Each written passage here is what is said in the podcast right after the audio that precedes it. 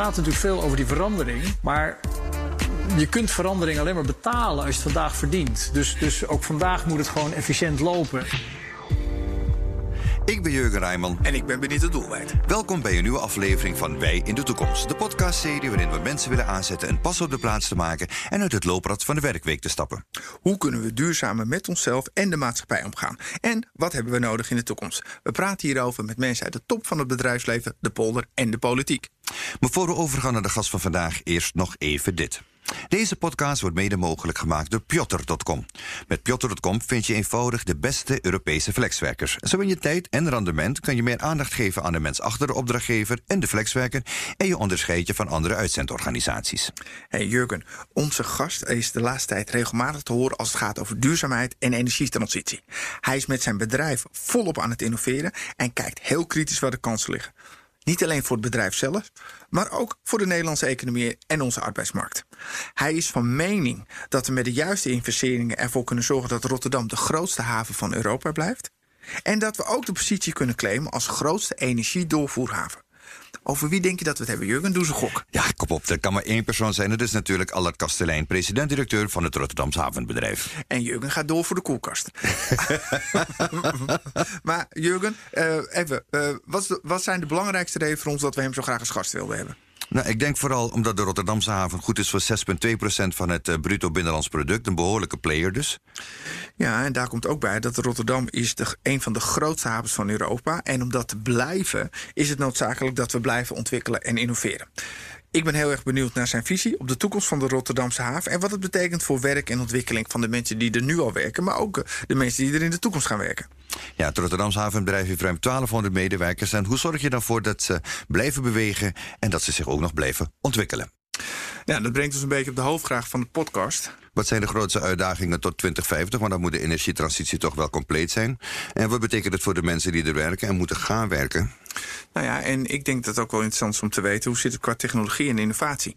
En opleidingen. Dus hoe gaan we inspelen op die kansen en uitdagingen? Nou, ja? Ik denk dat we een paar goede vragen hebben. Zullen we even kijken of... Uh, uh, mogen we hem tutoyeren, denk je? Vraag het dan. Oké. Okay. Uh, meneer Kastelein, bent u bij ons? Ja, Allard hier. Dag Allard. ik hoop dat dat een opening is dat we mogen tutoyeren. Ja, lijkt me prima. Nou, fijn uh, dat je bij ons bent, Allard. Uh, hoe gaat het met je? Ja, uh, best goed. Ehm, de reden dat ik helaas niet in de studio kan zijn, is dat ik wel degelijk iets van een verkoudheid heb. Niet meer dan dat. Ja. Um, maar ik, ik, ik proest en hoest nog wel een beetje. Um, en dan is het uh, gepast in, gezien de huidige omstandigheden om uh, me keurig te gedragen en binnen te blijven. Ja. En niet uh, mensen eventueel te kunnen besmetten. Ja, ik ren sowieso gillend terug als mensen in mijn buurt hoesten. Dus, ehm, ja, nee, dat was niks geworden dan. Dat was echt niks geworden. Nee, ja, we worden steeds meer door corona, gaan we ons heel Japans gedragen. Moet je maar opletten als je naar de supermarkt gaat. Iedereen laat mensen voor, we houden afstand. Ja. En dat soms, soms voor hilarische situaties. Maar om de tussentijd is corona natuurlijk wel heeft het een zware impact. Ja. Het heeft wel impact op ons allemaal. Um, Allard, uh, het is eigenlijk een beetje traditie geworden binnen de podcast dat we starten met twee vaste vragen. En ik ga aftrappen met de eerste vraag aan jou. Van welk werkgerelateerd onderwerp lig je op dit moment wakker? Ja, dan, dan, dan, dan krijg ik zo'n. Het is een flauw antwoord om te geven als ik dan zeg dat ik ontzettend goed slaap. En, maar dat, dat, dat is wel het geval, gelukkig. Oh, wat heerlijk lijkt me dat. Nou, laat het anders zo. Wat houdt je nu bezig qua werk? Ja. Ja. Nou, kijk, wat, wat mij ontzettend wel bezighoudt... is uh, uh, uiteraard de implicaties van COVID-19 uh, op bedrijven, op mensen... daarmee op de samenleving, op gezinnen... Um, en, en, en daar komt achteraan, maar ik zeg al, het, het, het, het, het, het, private, perso persoonlijke is natuurlijk uh, belangrijker dan het macro-economische. Maar het gaat natuurlijk wel even lastig en het is wel even zwaar. En het geldt niet alleen voor ons. We hebben ook een deelneming in Oman, onze haven in Sohar. En ik heb vanmorgen drie ministers gesproken, of twee ministers gesproken... en, en een, een, lid van onze boord in Sohar, -huh. telefonisch. En als je dan hoort hoe zwaar dat land het heeft... en, en, en nou, dat geldt dus ook voor de, het mondiale plaatje. Dat, dat, dat vind ik wel natuurlijk... dat heeft een enorme impact op onze samenleving... en daarmee ook op een havencomplex. Duidelijk. Um, ja, mijn vraag is altijd toch een beetje meer uh, ja, over het zelf maar zelf ontwikkelen. Um, wat, wat, is het laatste dat je geleerd hebt um, ja, op werkgebied of in je, in je leven gewoon, waar je zegt, oh ja, daar heb ik nu echt wat aan? Uh, nou, in, in, in, in tijden van crisis, zelfs al heb je de antwoorden niet, en, en dat heb ik wel geleerd in een verleden, en daar heb ik echt heel veel aan gehad in deze tijd ook, moet je blijven communiceren en, en blijven vertellen wat je bezighoudt en hoe je in de wedstrijd zit en wat je zelf doet en wat je verwacht van je mensen. Dus ik heb, terwijl wij net zoals alle andere Nederlanders in de lockdown zijn gegaan half maart, uh, heb ik enorm veel videoclipjes, webinars, uh, uh, online boodschappen gedeeld met onze mensen. En ook met het hele havencomplex. Om, om, om te bevestigen ja, waar we mee bezig waren en zijn en, en waar dat toe gaat leiden. Zonder dat ik ooit gepretendeerd heb een kristallen bol te hebben. Ja. Dus de, de kracht van communicatie en het, het, het, het een handreiking geven aan mensen zodat ze hopelijk begrip en een beetje vertrouwen en in ieder geval energie hebben om elke dag te doen wat goed is. Ja. Dat heb ik wel getracht maximaal in te zetten en te gebruiken in deze tijd. Ja, dat geeft je werknemers ook niet het gevoel dat ze er alleen voor staan. Dus dat is ja. Ja, eh, gedeelde smart een beetje ook wel. Hè? Van, vanuit, vanuit je eigen uh, uh, huis, uh, achter je eigen bureau vertellen... ja jongens, ik begrijp wat jullie meemaken. Ik zit hier zelf ook. Ja. En dan tuurlijk prijs ik me gelukkig dat, dat, dat, dat ik een goede werkruimte heb. En ik, maar ik besef me verdomd goed dat er mensen zijn die ja, misschien op uh, 50 vierkante meter zitten en waar de muren op en afkomen en zo. Dus, dus dat probeer ik wel continu in praktijk te brengen. Ja. Had je vroeger al de droom om bij het havenbedrijf te gaan werken? Nee, Nee, nee, niet. niet uh, vroeger op mijn leeftijd wordt wel uh, een rekbaar begrip. Hè? ja, ja, ja, Jij zegt het, maar afzet. De jonge Allard, die had geen havenaspiraties dus. Nee, die jonge Allard die, die, die dacht dat hij Wimbledon ging winnen. Echt waar? Tennissen, topsport ja, dat, dat, dat, dat, dat was natuurlijk de, de droom. En, en toen die realiteit ook een beetje begon in te zinken, dat dat niet het geval was. Welke leeftijd was dat? Toen je dacht van, nou, Wimbledon gaat het niet worden? Nee, ik, ik, nee, ik heb, maar ik heb zoals elk, elk, jong, jong sportfanaat. Ik, ben, ik, ik heb, mag absoluut heel graag um, een beetje met sport bezighouden. Dus ik was een enthousiast tennisser, laat ik het dan maar zo zeggen. Ja. Um, en um, uh, voor, voor, voorzag uh, uh, mooie, mooie, mooie ontwikkeling op dat vlak. Eh, maar nee, ik heb niet uh, ooit in gedachten gehad om bij de haven te gaan werken. Ja. In het havencomplex. Nee, ik had het ook als kind. Ik wilde namelijk profvoetballer worden.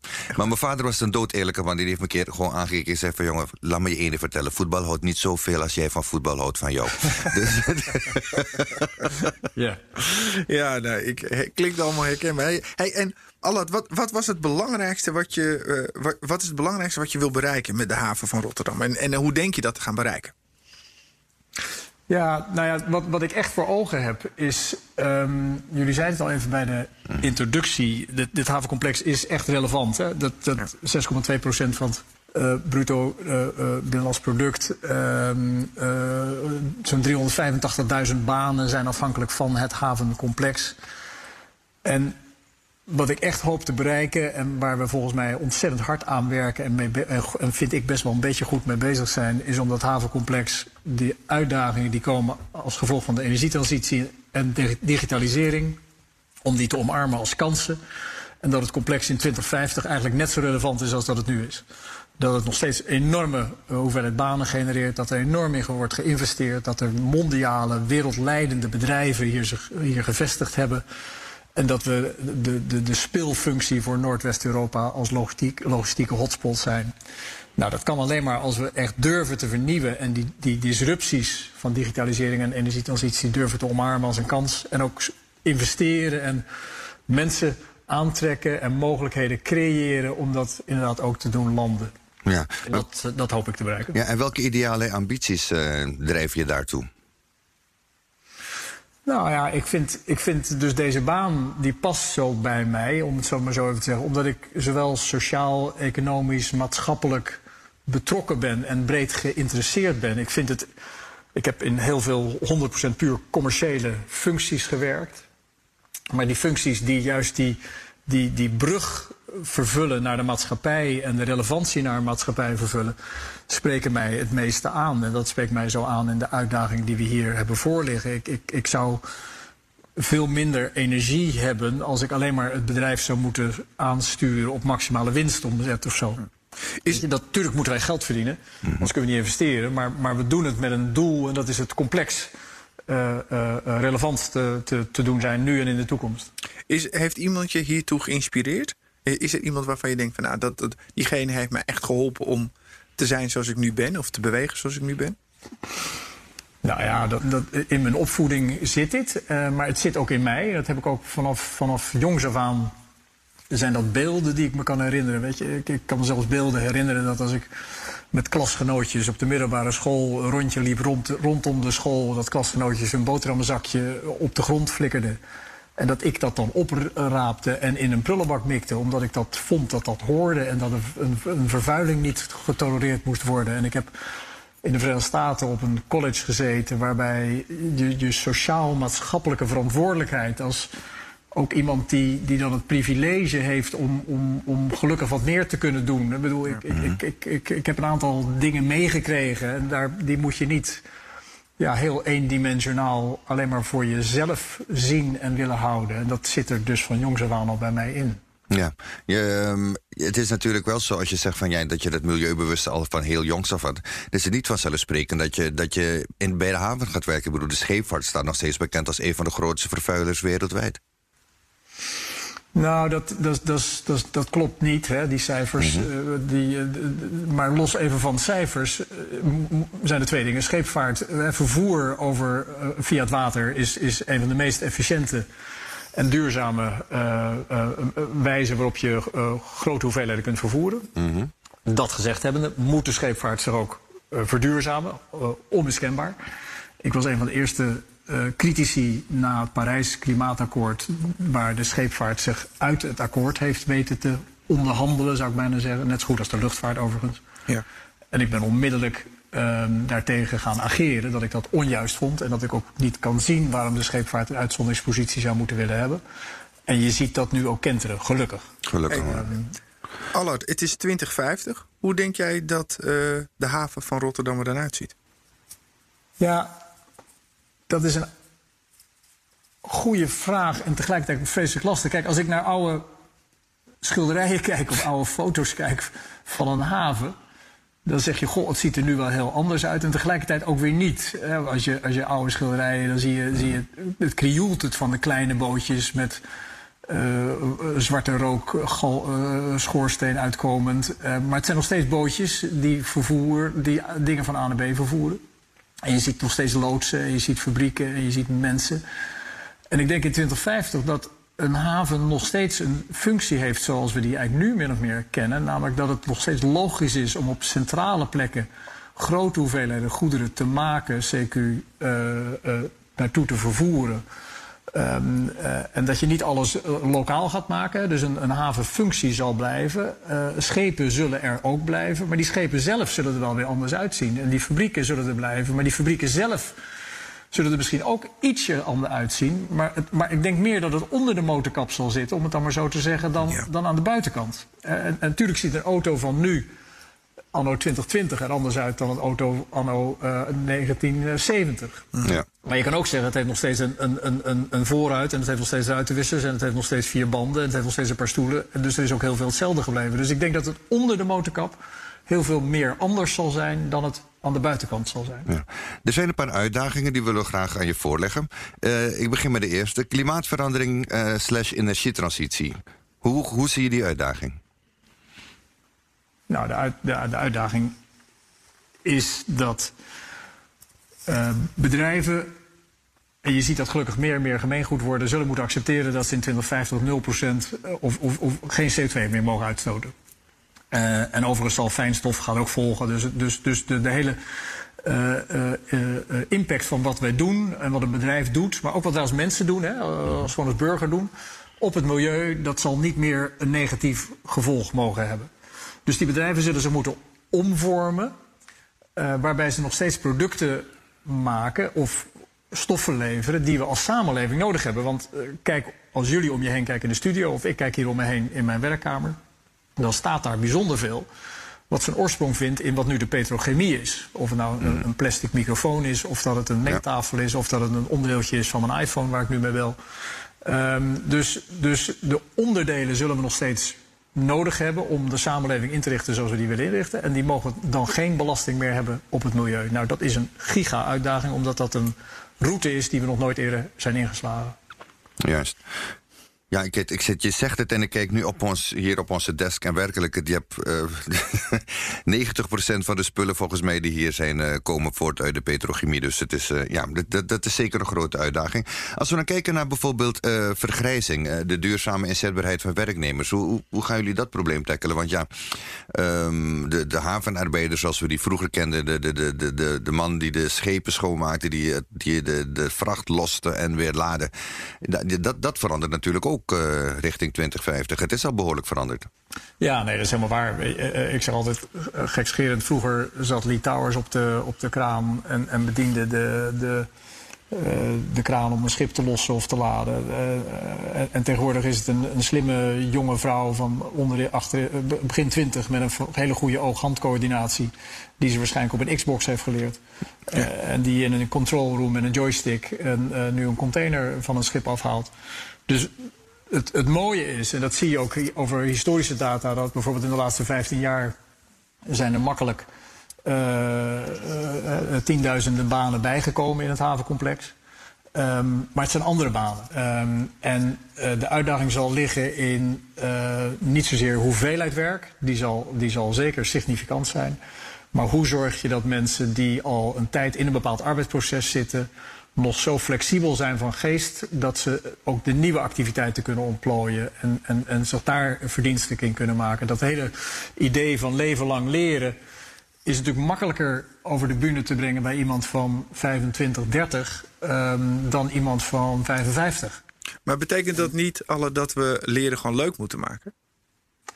Ja, maar dat tuurlijk, tuurlijk, tuurlijk, tuurlijk. tuurlijk. Maar, maar um, Weet je, het boeiende aan de huidige generatie en de COVID-crisis vind ik ook wel een beetje. En ik heb twee kinderen in die, in die leeftijd van uh, tweede helft 20, begin 30. En die, die dus ook kijken naar een samenleving van het is maakbaar. En ach, als dit niet werkt, dan werkt dat. En ik werk ja. hier een tijdje en dan werk ik daar een tijdje. Maar er komt toch ook voor die generatie komt er een moment dat ze ja, met respect uh, inmiddels ook uh, vijf, zes, zeven jaar uh, met hun eigen kinderen dan weer langs de voetbalvelden staan of, of, of, of waar dan ook. En, en dat ze een stukje stabiliteit ook wel weer lekker vinden. En, en dat nieuwe, dat ongewisse, ja, in onze natuur, dat is niet zozeer dat we dat leuk moeten maken, maar het is dat we het eigenlijk ergens oncomfortabel vinden. We vinden die onzekerheid mm -hmm. toch op een, maar in beperkte mate heel erg aantrekkelijk. Ja. En we moeten eigenlijk proberen, denk ik, om die samenleving zo weerbaar mogelijk te maken tegen die onzekerheid. En dat is zijn succesverhalen of dat is barrières verlagen, zodat je makkelijker uh, ontwikkelingen kan, kan volgen terwijl je werkt voor, voor, voor ander werk. Of dat de barrière tussen het ene werk en het andere werk minder wordt. Of dat de schaamte van even niet werken wordt weggenomen. Dus die barrières die maken dat we wat ongemakkelijk worden. Die zou je denk ik zoveel mogelijk moeten wegnemen. Dus het gaat ook eigenlijk ook een beetje over uh, cultuur- en gedragsveranderingen waar we het over hebben. Ja, maar ja. wat ik me afvraag, hoe, zit, hoe zorgen we ervoor, uh, gezien de internationale ontwikkelingen, dat we de concurrentie vol blijven? Hoe, hoe, hoe kijk je daar tegenaan? Qua, qua, qua, uh, qua, qua mensen als werkforce werk, uh, of, of als, als, als vestigingsland. Hoe bedoel je? Sorry? Nou, ik denk, ik denk door de juiste uh, mensen te hebben, de mensen goed op te leiden, zorg je er ook voor dat je, dat je qua vestigingsland heel interessant wordt. Want ja. het is natuurlijk heel fijn om met hele slimme mensen te werken die denken in oplossingen in plaats van problemen. Maar hoe, hoe, hoe, hoe kijk je daar tegenaan? Ja, nee, daar heb je dus gelijk in. Maar dat, dat is dan het hele palet. Hè. Dan, moet je, dan moet je dus ook kijken naar de wet en regelgeving ten aanzien van werk naar werk. Uh, van van, van de, ja, de, de terechte bescherming die een werknemer heeft versus de, de flexibiliteit die je zou willen hebben in een samenleving. Ik denk dat wij als Nederland. Uh, en dat, zo, zo praat ik er echt vaak over in het buitenland. Als ik naar uh, internationale bedrijven ga of naar de grote rederijen ga. Dan prijs ik ons werknemersbestand. Hè. Dan zeg ik, joh, we hebben fantastische scholen. We hebben slimme kinderen. We hebben uh, een cultuur waar we flexibel kunnen zijn, creatief kunnen zijn. Maar waar we ook hard kunnen werken. Um, uh, hoe, je kunt je bijna geen betere vestigingsplaats wensen. Uh -huh. Dus ik gebruik dat absoluut um, naar die bedrijven toe. En dat moeten we kunnen hopelijk blijven vasthouden. En, en, en liefst nog meer kunnen staven met voorbeelden. Van dat we ze digitaal hartstikke slim hebben opgeleid. Of dat ze uh, die duurzaamheid in hun, in hun genen hebben zitten. Of dat ze uh, uh, begrijpen dat als ze van school afkomen, dat dat niet het einde van het leerproces is. Weet je, als we dat ja. kunnen blijven voeden en laten zien aan bedrijven, dan, dan kan je het echt ook als een concurrentie-element maken. maken ja. Nu is het ook iets anders, uh, een uitdaging die ik zie, tenminste, maar daar kan je me ook in corrigeren hoor. Um, er wordt heel veel gedigitaliseerd in het havenbedrijf. Er komt, wordt, komt steeds meer digitalisering bij, hoe processen worden gedigitaliseerd. Nou is het ook zo dat het havenbedrijf natuurlijk een prooi is voor de internationale uh, criminaliteit. Uh, dat is de plek waar men het liefst zijn handel ook wil doorvoeren. Hoe, hoe, hoe, hoe kijken jullie daar naartoe? Want ja, je, je bent natuurlijk altijd altijd wel gevoelig voor hackers. Uh, die kunnen, verkeer, die kunnen ja, de verkeerde manieren gebruiken om toch de haven te misbruiken. Um, hoe, hoe zie je die ontwikkeling? Nou, die baart natuurlijk enorm veel zorgen. Weet je, of het nou de, de, de, de verprofessionalisering van de, van de, van de drugs uh, is. En de, en, de, en de waardeketens die daaraan vastzitten. En de corruptie die daar mee gepaard gaat. Weet je, ik vind het vaak het, het, het is vaak het kankergezel van een samenleving. Van, want, want het betekent dat er weinig mensen uh, profiteren van heel veel geld. Ja. Ten koste van heel veel mensen.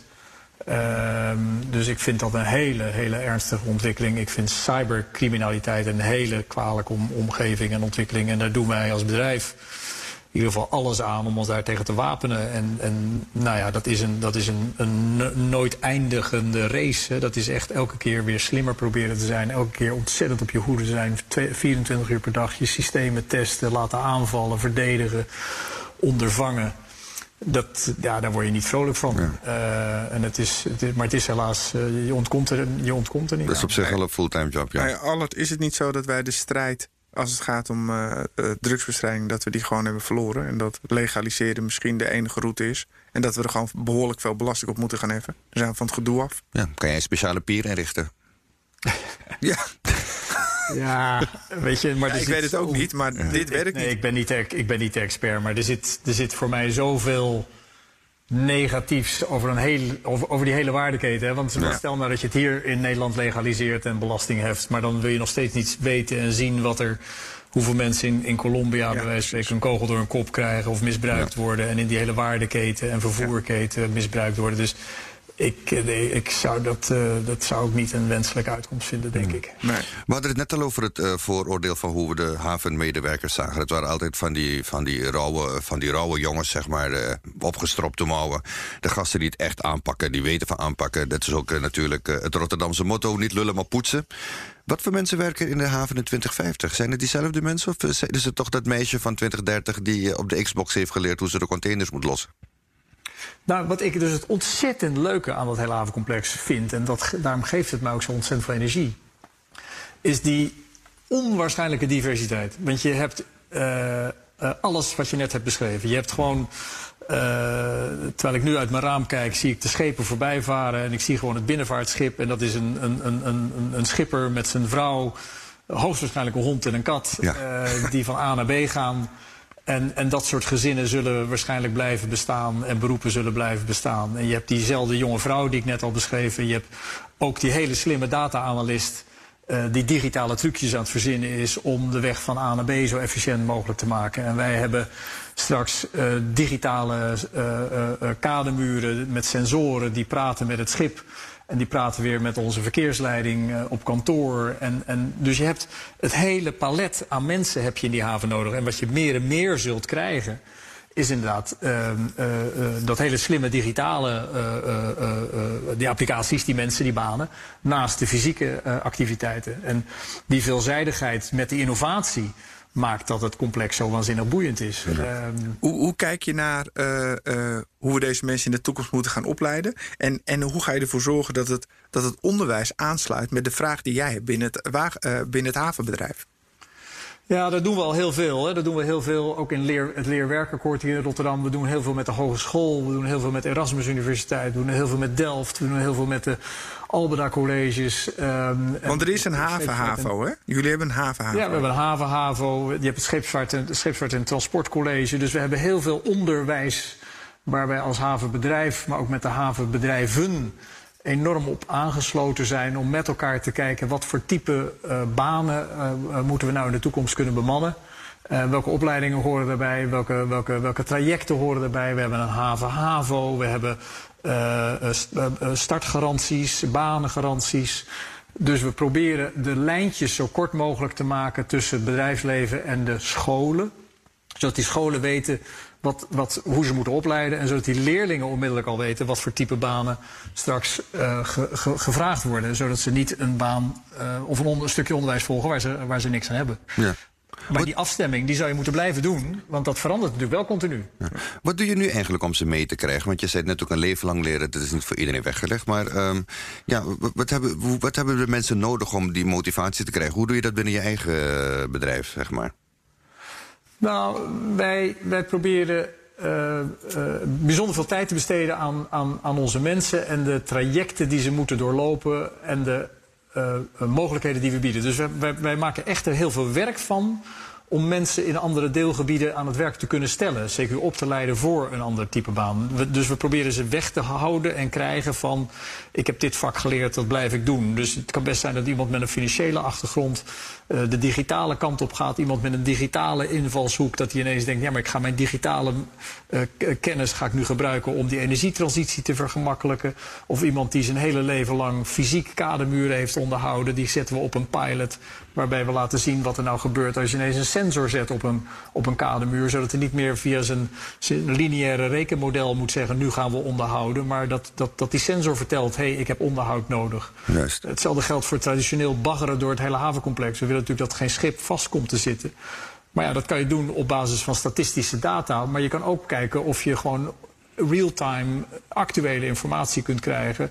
Uh, die maakt dat je, dat, je, dat je volledig in het moment besluit waar je moet zijn. In plaats van dat je anderhalf jaar van tevoren probeert te plannen wanneer je ergens naartoe zou moeten. Dus we proberen die hele vermenging van, van die nieuwe technologieën en, en, en applicaties in het huidige denken, doen en handelen te krijgen. En, en hoe, hoe kijken jullie naar jonge mensen? Hoe, hoe maak je het bedrijf aantrekkelijk voor jonge mensen? En ook internationaal. Want ik neem aan dat er binnen het havenbedrijf, uh, ja, dat is een beetje United College of Benetton, dat je alle nationaliteiten hebt. En dat het ook op die manier ook een aantrekkelijke haven wordt, omdat je zoveel verschillende mensen bij elkaar hebt. Ja, is ook zo. Is ook, ik word ontzettend enthousiast als ik de Jong Havenvereniging zie. En dan eens per jaar mag ik af en toe op een halve borrel komen. En dan hebben ze altijd de hoop dat ik de borrel betaal. Dus dat, dan, ben ik weer even welkom. Uh, maar het is hartstikke leuk om te zien wat voor dynamiek er in zo'n groep zit. En dat zijn inderdaad ook een, dat is de melting pot. Dat is de United Nations van, van, van het onderwijs. Weet je, we halen ze uit de Erasmus Universiteit. En um, van, van Delft en, en van de hogescholen. En het zijn allemaal mensen met verschillende achtergronden. En we hebben een ontzettende enthousiaste, leuke, jonge ploeg mensen die bij het havenbedrijf werken, maar die door, door die hele haven werken. En die met een enorme passie. Je zou ze echt voor de lol moeten, moeten zien als ze bij elkaar staan. Dat is een hele dynamische, leuke groep die allemaal met diezelfde passie en openheid en leergierigheid uh, in het havencomplex acteren. En dat is, dat is genot om te zien. Nou is het zo dat die, die nieuwe generatie weet over hebben, die Generation Z, die heeft natuurlijk ook hele andere aspiraties. Ze willen gewoon graag van huis uit werken. Die willen wat meer vrije tijd hebben. Als het even kan, willen ze met een laptop op Ibiza zitten. En toch nog uh, dat werk van Litouwers doen wat hij vroeger deed. Um, moet de haven zich aanpassen aan de wensen van de jongen? Of gaan de, gaan de jongens zich moeten, ja, zeg maar, moeten inbinden en toch uh, aan de wensen van de haven voldoen? Ja, die weg ligt altijd in het midden. Weet je, ik zeg tegen al die studenten, ik houd best wel vaak praatjes voor studenten. Ik vind het leuk om te doen. En uh, dan, dan, dan kunnen ze me van alles vragen. Maar één ding wat ik altijd terug zeg is: ja, maar je moet ook bereid zijn om gewoon keihard te werken. Um, uh, uh, dus, dus een haven kan je veel bieden, en het havencomplex kan je veel bieden. En je, je kunt er heel veel uithalen. Maar je, het is natuurlijk het is niet voor, voor, voor klaplopers, het is niet ja. voor lanterfanters. Er moet wel. Maar dat geldt overal, weet je. Dus ja, dus ja jeugd. Ja, we moeten een oor en oog hebben voor het feit dat de huidige generatie misschien niet inderdaad uh, zeven dagen in de week uh, tot s'avonds laat wil werken. Daar heb ik vol respect voor. Maar het moet ook nog steeds wel zo zijn dat je op ze kan vertrouwen en kan zeggen: ja, maar je bent hier wel om, om, om, om werk af te leveren. Weet je, ik, ik vind het altijd zo mooi ook als je kijkt naar. Um, ik had bij mijn vorige werkgever nog wat meer dan nu, maar ook wij hebben dus een vestiging in Brazilië, we hebben een vestiging in Oman. En wij hebben een internationale divisie die, die nu bijvoorbeeld hulp verleent in Beirut. Ehm, maar dan zeg ik ook tegen mensen die daar willen werken. Ik zeg, ja, maar het is niet een vakantiebrochure waar je doorheen bladert en zegt welk strand je mooi vindt. Weet je, wij bepalen nog steeds wel waar je naartoe moet. Omdat we daar je, je, je hulp hartstikke hard nodig hebben. Het is, er zit, dus, dus ja, van beide kanten, maar het is niet alleen maar vrijblijvendheid. Hey, wat zouden andere bedrijven nou echt van jullie als organisatie kunnen leren? Los van de diversiteit, maar dat is al iets heel moois. Uh, maar wat zouden we wat zouden wij als, als, als, als collega-ondernemers of ondernemende types van jouw organisatie kunnen leren? Ah, dat vind ik zo pretentieus. Maar... ja, maar, nou, wij geven je de ruimte hoor. Dus we, geven, je de ruimte. geven je de ruimte. Het, komt door ons. Het komt door ons. nou ja, wat, wat ik heel leuk vind als ik gewoon over een, over een periode terugkijk en vooruitkijk, dan is dit een bedrijf wat tot 2004 een gemeentelijke tak van dienst was. Wat daarna, denk ik, een jaar of tien een beheerder was. En wat nu een ontzettend innovatieve, dynamische, ondernemende organisatie is. Waar, waar grote transformaties als digitalisering en energietransitie de toon zetten en de lol geven en de energie geven. Kortom, het is een bedrijf wat zichzelf echt heeft, opnieuw heeft uitgevonden. En die, die verandering zo omarmd heeft als een kans. En, en dat is denk ik het leuke. En veel bedrijven laten dat zien.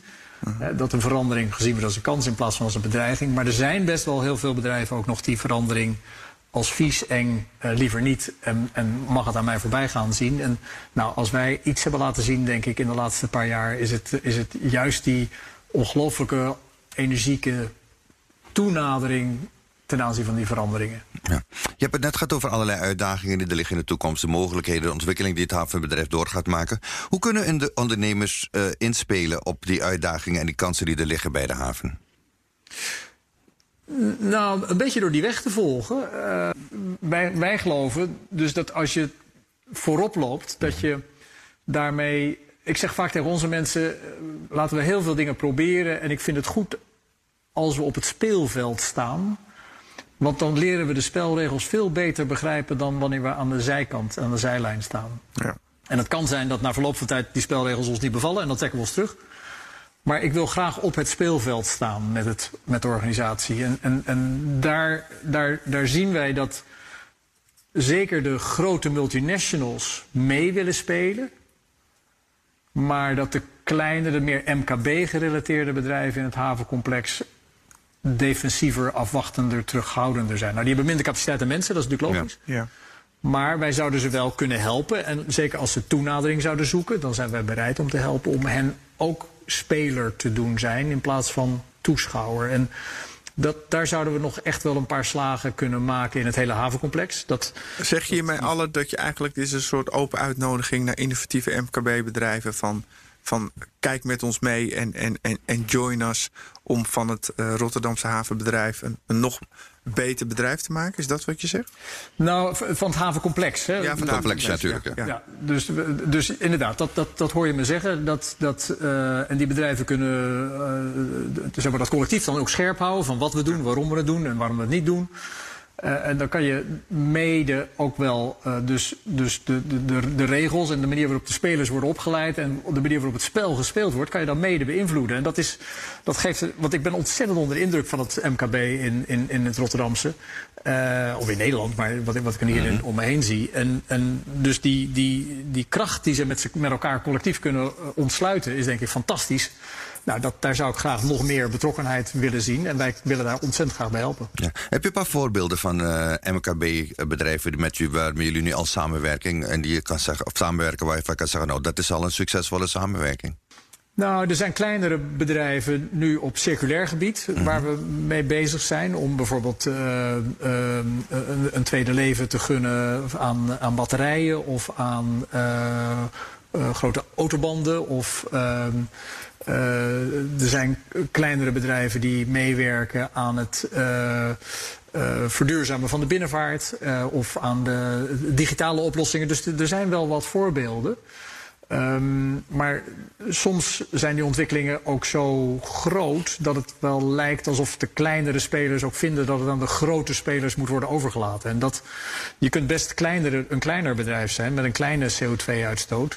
En nu ook al zeggen, ja, maar als ik op mijn fabriek je uh, uh, me nu ook al gericht op afvangen, dan, dan weet ik misschien niet waar ik moet beginnen. Maar als, ik, als ze aan zouden kloppen, dan zouden wij kunnen zeggen: Nou, dit is hoe de grote bedrijven het aanpakken. Misschien kan je wel de kleine versie daarvan voor jouw fabriek uh, toepassen. Dan kan je gelijk uh, meedoen en meeliften. Ja. Nou, die, die, dat soort openingen zouden we nog meer moeten zien te vinden. Hoe zit het met, uh, als je kijkt naar andere havens wereldwijd, want je houdt natuurlijk allemaal in de gaten.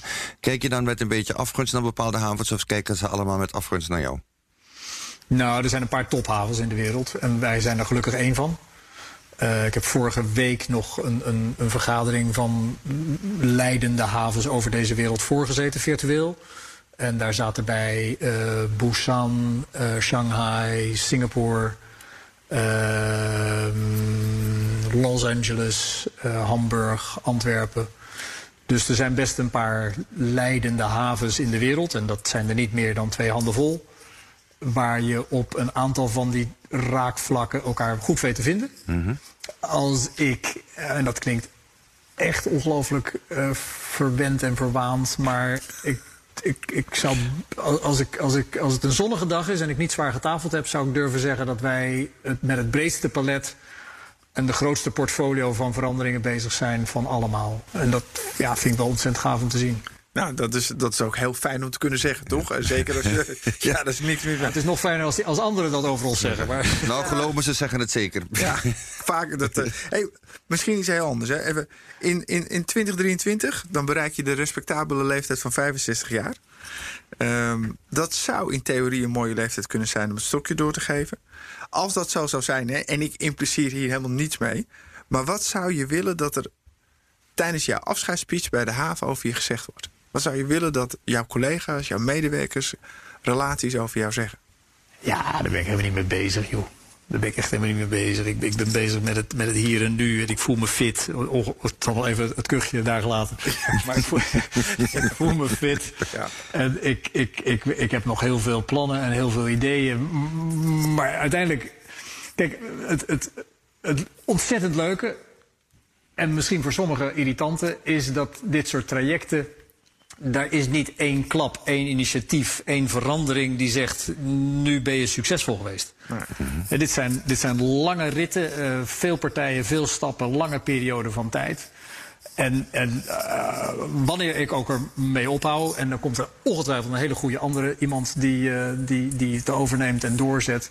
Maar dan hoop ik dat partijen zeggen en zien dat we als bedrijf, niet ik als Albert Kastelein, maar we als bedrijf uh, ons heel goed gepositioneerd hebben om, om de volgende successen weer te doen landen. En we alle, dat geldt wat, ook voor vandaag. Hè? Dat, wat, wat, ik, ik, ik, we praten natuurlijk veel over die verandering. Ja. Maar je kunt verandering alleen maar betalen als je het vandaag verdient. Dus, dus ook vandaag moet het gewoon efficiënt lopen. En moeten die schepen binnenkomen. En moeten we af, de afhandelingen kunnen verrichten. En moeten de mensen hartstikke goed werk verrichten. En moet het veilig zijn. Dus terwijl we veel over verandering praten, dat is natuurlijk een beetje de natuur van de mens, um, besteden wij in, in feite net zoveel aandacht aan gewoon dat de dagelijkse gang van zaken uh, op, op de hoogst mogelijke kwaliteit uh, wordt afgeleverd en, en, en, en serviceniveaus geleverd die onze klanten van ons vragen en uh, verwachten. Allet, ik hoor een man die nooit gaat stoppen met werken, die wat hij doet veel te leuk vindt en nog bruist van allerlei ideeën. Klopt dat een beetje? Dat klopt zeker. Ja. dat klopt zeker. Dus dat betekent dat de haven in goede handen is. De haven is in goede handen. We varen er wel bij. ja. Allert, hartelijk bedankt voor dit gesprek. Uh, beterschap, hopelijk is het kuchje echt alleen maar een kuchje en uh, is het gewoon over. Uh, we danken je echt dat je even bij ons wilde zijn om uh, jouw toekomstvisie met ons te delen. Graag gedaan. Dank je wel. Oké, okay, tot, tot ziens. Dag. Nou, ik, ik vond het een zeer verfrissend gesprek, Benito, als ik even eerlijk mag zijn. Ja, en ook uh, wat ze allemaal gedaan hebben om uh, de haven in het hier en nu te krijgen. Want wat hij zegt, uh, wat hij vertelde, het was hiervoor gewoon een ambtelijk apparaat. Ja. En dat is nogal een cultuurverandering. Precies, ja, die transformatie vond ik, vond ik heel opvallend. Dat is een beetje van traditioneel naar deze tijd. Wat me ook nog verder opviel is van ja, hoe hij echt met de jonge generatie omgaat. Uh, zijn communicatie ook in deze tijd, weet je. Al die vlogjes, die dingen die heeft opgenomen om echt in contact te blijven met zijn personeel, hoe belangrijk het is. En uh, wat ik vooral heel cool vond, is wat hij zei: ja, we moeten het vandaag verdienen om de verandering van morgen te kunnen betalen. Nou ja, en niet alleen als je gaat nadenken over het onderwijs. Er is gewoon een haven-HAVO. Waar je gewoon naartoe kan gaan en waar je helemaal opgeleid wordt om helemaal klaar te zijn om in dit toch bijzondere en cruciale vak, zeker voor onze economie, uh, carrière te bouwen. Ja, en een, een, van de meest opvallende dingen die hij zei, en dat is misschien een beetje fout dat ik dat zeg, maar uh, in mijn hoofd is een kraanmachinist zo'n zo'n kerel nog steeds met enorme armen. En, en hij had het dus over een jonge dame die heel handig was met een Sony PlayStation. uh, of een ander merk. En uh, daarmee op hele handige manieren gewoon enorme containers aan het lossen is. Dus een totaal ander beeld. Ja, we moeten er eens een keer gaan kijken, jongen. Want het is wel echt heel gaaf. Ik denk dat we zeker een keertje langs gaan uh, bij Allert. Uh, wat nemen we mee? Wat nemen we mee? Nou, ik denk wat, wat uh, ik vooral meeneem is ja, communicatie. Hoe belangrijk communicatie Ik blijf daarin geloven. Communicatie is heel belangrijk. En wat u ook zei van, um, ja, die, die middenweg zoeken tussen um, wat jongeren willen en wat je als bedrijf nodig hebt. Um, beetje constant op zoek gaan naar die middenweg. Want je ziet dat heel veel bedrijven nog heel traditioneel in hun denken zijn over nee, dit en dit moet je doen als je bij mij werkt. Maar hij zoekt echt naar die middenweg van wat is nou de verwachting van die jongeren, die Generation Z, zoals we dat zeggen, die Z-generatie. En uh, wat hebben we als bedrijf nodig. En dat, dat, dat wil ik wel meenemen, om steeds maar die middenweg te kunnen zoeken met de jeugd. Nou, wat, wat, wat, wat, wat bij mij, uh, wat ik heel interessant vond, is dat angst voor veranderen leidt tot stilstand. Ja. Dus het moment dat je als organisatie geconfronteerd met mensen die angst zijn voor verandering, zeggen: Nou, we doen het eigenlijk wel goed zo. En niet openstaan voor nieuwe dingen, betekent eigenlijk dat je je eigen uh, teruggang in werking hebt gezet. En, uh, en dat hebben ze heel knap gedaan. Uh, en daarom staan ze waar ze nu staan. Dus dat vond, ik, dat vond ik echt. Dus angst voor innovatie en vooruitgang, dat is een dingetje. Ja, en dan komt het een beetje op neer. wat heeft Allah ons verteld wat wij als uh, bescheiden presentatoren van dit programma kunnen toepassen. En wat onze luisteraars, wat kunnen we toepassen van wat hij gezegd heeft? Nou, ik denk wat ik, wat ik zeker ga toepassen, en dat is het laatste wat hij zei, is dat je, ja, dat, wat ik het ook zei, dat je het vandaag moet verdienen om morgen de verandering te kunnen betalen. Dat je steeds je, je, je, ja, je oog op de toekomst houdt. En weet van jongens, um, ja, die verandering komt eraan. Zorg ervoor dat je prepared bent en dat je ook je reserves opbouwt. En dat je vandaag al begint te kijken hoe je dat morgen gaat betalen. Want het is iets wat we als ondernemers vaak vergeten. Dat je in een soort roes zit van ondernemen. En niet de, kijkt van oké, maar er komt zoveel aan, zoveel verandering. Je weet dat die verandering komt. Um, ja, Stedman Graham, de man van opera, die vertelde me het mooi een keer. Die zei van pilot the seasons of change. Hou er rekening mee dat de verandering aankomt en wees er altijd een stap voor. Ja, ik kon het zelf niet mooier zeggen. Ja, dit was een Wij in de Toekomst, de podcast waarin wij, Jurgen Rijman en Benita Doelwet proberen Nederland te bewegen mee te denken over werken en ontwikkelen in de toekomst. Voor een positieve toekomst van ons mooie werkend Nederland. Wil je meer horen? Ga dan naar www.bnr.nl slash wij in de toekomst, de BNR-app of je favoriete podcastplatform. Bye bye. Tot de volgende keer. Volgende keer. Hoi.